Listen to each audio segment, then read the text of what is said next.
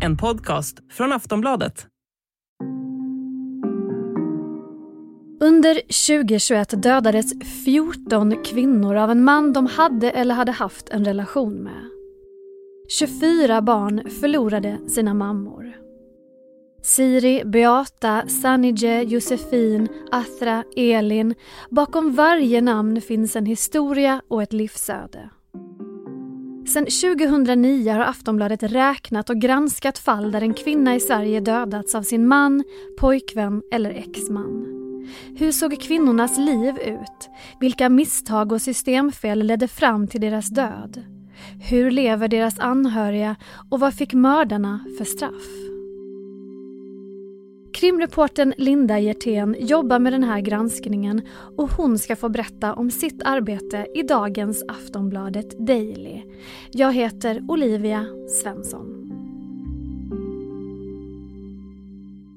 Det handlar alltså om 14 dödade kvinnor 2021. Vilka var de? Vi hör Linda Hjertén. Ja, de var allt mellan 20 år och uppåt. Eh, flera av dem var mammor. Eh, de var alla kvinnor som eh, var älskade av många. Eh, och eh, i flera av fallen så hade de också precis tagit mod till sig att lämna eh, den man som sedan har dömts för mordet på dem. En av de kvinnorna som du har skrivit om är 20-åriga Siri som bara hade hunnit vara mamma i tre veckor innan hon dödades av sin pojkvän. Kan du berätta om Siri? Ja, det här var ju en levnadsglad tjej som eh, verkligen såg fram emot att bli mamma tillsammans med sin sambo då som numera är dömd för till livstidsfängelse för mordet på henne. Eh, och hon var, knöt an väldigt snabbt till sitt lilla barn, sin lilla son. Eh, och var väldigt lycklig över att ha blivit mamma. Men hon levde också i en relation som var kontrollerande. Eh, hennes eh, sambo ska ha varit både våldsam men framförallt också väldigt kontrollerande mot henne och svartsjuk. Så att samma kväll som hon mördades så hade hon berättat för honom att hon ville att det skulle vara slut. Och det var det som man tror då ledde fram till det här väldigt brutala mordet. Ja, de här kvinnorna har ju samtliga blivit dödade av en man som de hade eller hade haft en relation till. Hur har de här förhållandena sett ut? Du var lite inne på det här med Siri, men är det samma bild som man tecknar ungefär vid, vid alla de här morden? Ja, det, är, det varierar, men det finns ofta en hel del gemensamma nämnare, så är det.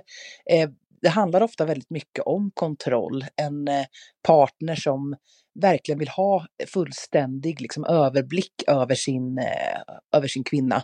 Veta exakt vad hon gör och vem hon är med. Eh, om man tittar på till exempel Athra, eh, en kvinna som mördades i Huddinge, en, en eh, fyrabarnsmamma. Hon eh, kände sig väldigt kontrollerad av sin man. Han hade också tagit hit henne till Sverige ganska nyligen så hon visste inte så mycket om liksom, samhället och eh, vad hon hade för rättigheter. Eh, så att han kontrollerade ju henne då genom att eh, också skrämma upp henne lite grann om vad Sverige var för land. Och hon hade också samma, alltså kvällen innan mordet eh, hade hon också bestämt sig för att lämna. Ja, och många har ju kämpat för att få hjälp väldigt länge utan resultat. Hur ser den här apparaten ut kring kvinnor som söker skydd just för att komma bort från den här typen av, av relationer? Det skiljer sig väldigt mycket från, inte bara från eh, stad till stad utan också ibland från socialkontor till socialkontor och polisstation till polisstation. Det är väldigt svårt att eh, att få rätt hjälp alla gånger och i många av de här fallen så ser man ju ett flertal liksom orosanmälningar som har gjorts. Eh, till exempel i fallet Siri så gjordes eh, bland annat en orosanmälan på BB eh, då hennes eh, sambo hade uttryckt att han ville adoptera bort deras nyfödda son mot, sin, eh, mot Siris vilja. Eh, det fanns också ett flertal andra orosanmälningar som hade gjorts efter hennes kontakter med vårdpersonal och så vidare när hon berättade att hon, att hon var eh, i, ett, i ett våldsamt förhållande helt enkelt. Och i många av de här fallen så är det ju så att all, nästan alltid så vet någon. Eh, när ett sånt här mord sker så vet han alltid, åtminstone nästan någon samhällsaktör vetat om att någonting inte står rätt till. Eh, och det som ju, man ju ofta löser det med i Sverige, eh, en kvinna som vill lämna en våldsam eh, partner, är att hon får flytta. Att hon får eh, eh skaffa ny identitet, byta stad. Och det där är mycket svårare än vad man kanske tror. Man kan ju tänka att det är väl bara att flytta då, men det är ju en enorm process och ofta har man barn också. Så att det man ju tittar väldigt mycket på är ju hur man istället ska alltså flytta på förövaren eh, och hjälpa offren på den plats där de faktiskt bor och lever. Och där undrar man kanske lite vad som har hänt. Alltså, våren 2021 så dödades ju fem kvinnor på bara några veckor. Då vaknade politikerna, det var mycket debatt, det var demonstrationer. Men, men vad hände sen?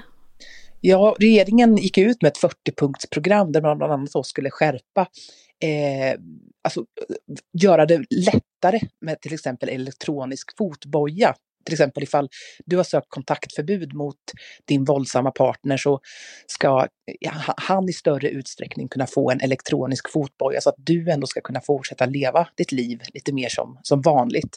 Eh, men det här, vad jag vet, har inte hänt jättemycket än. I fjol tror jag det var så som bara två sådana elektroniska fotbojor faktiskt dömdes ut.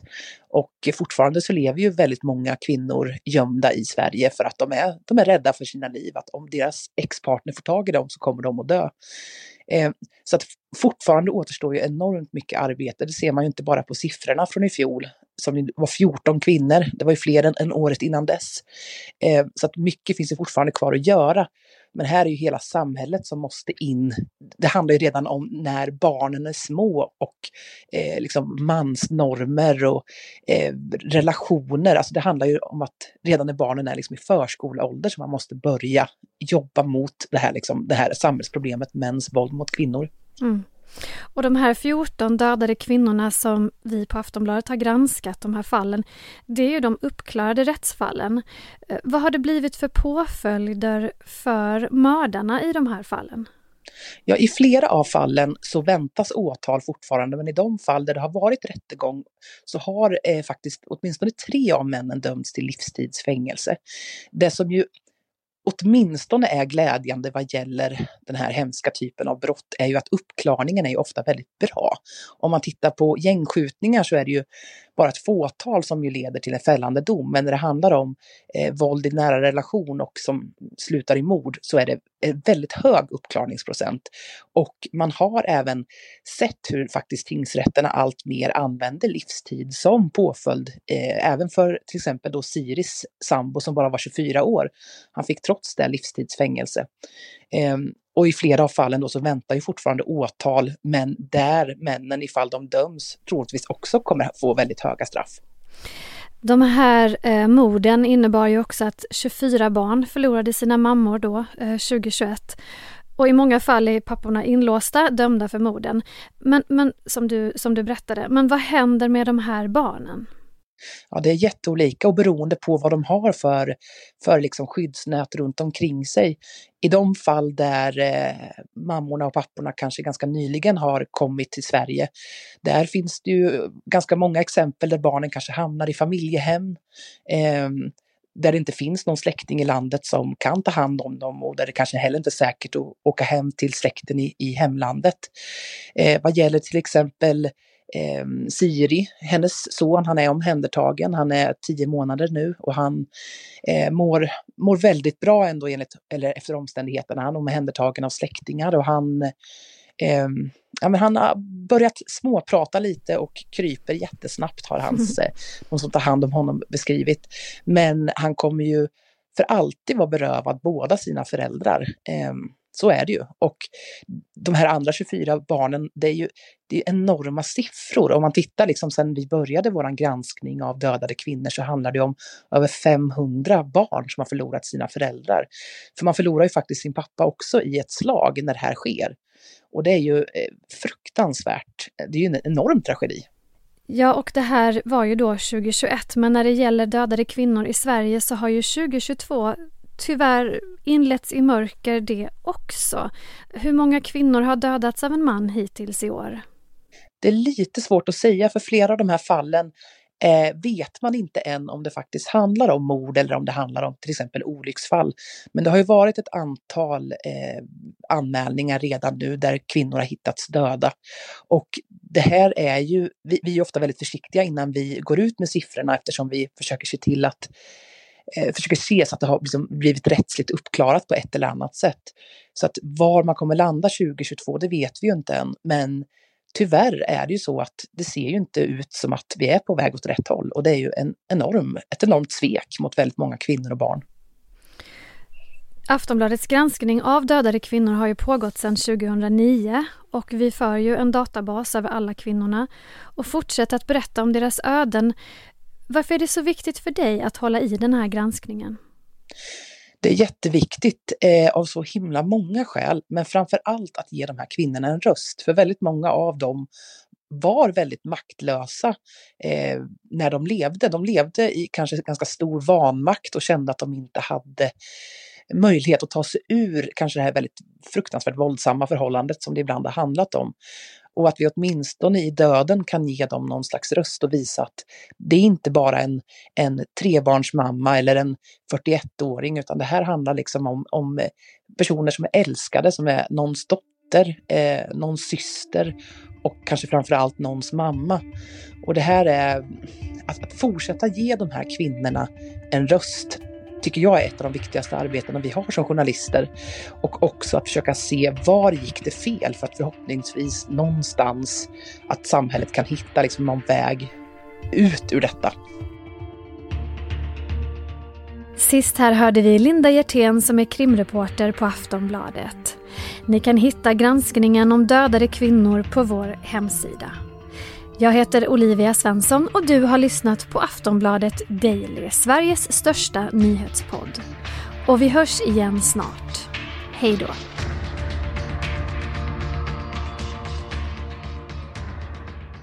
Du har lyssnat på en podcast från Aftonbladet. Ansvarig utgivare är Lena K Samuelsson. Jag heter Malin Wollin och nu finns Aftonbladets nya poddserie Malin blir en bättre människa i tio avsnitt bjuder jag in gäster som berättar hur vi ska förhålla oss till att leva i en klimatföränderlig värld. En del är försiktigt positiva, en del är positivt negativa. Om du vill få ett bättre grönare liv, lyssna. På köpet kanske du blir en lite bättre människa. Millions of people have lost weight with personalized plans from Noom. Like Evan, who can't stand salads and still lost 50 pounds.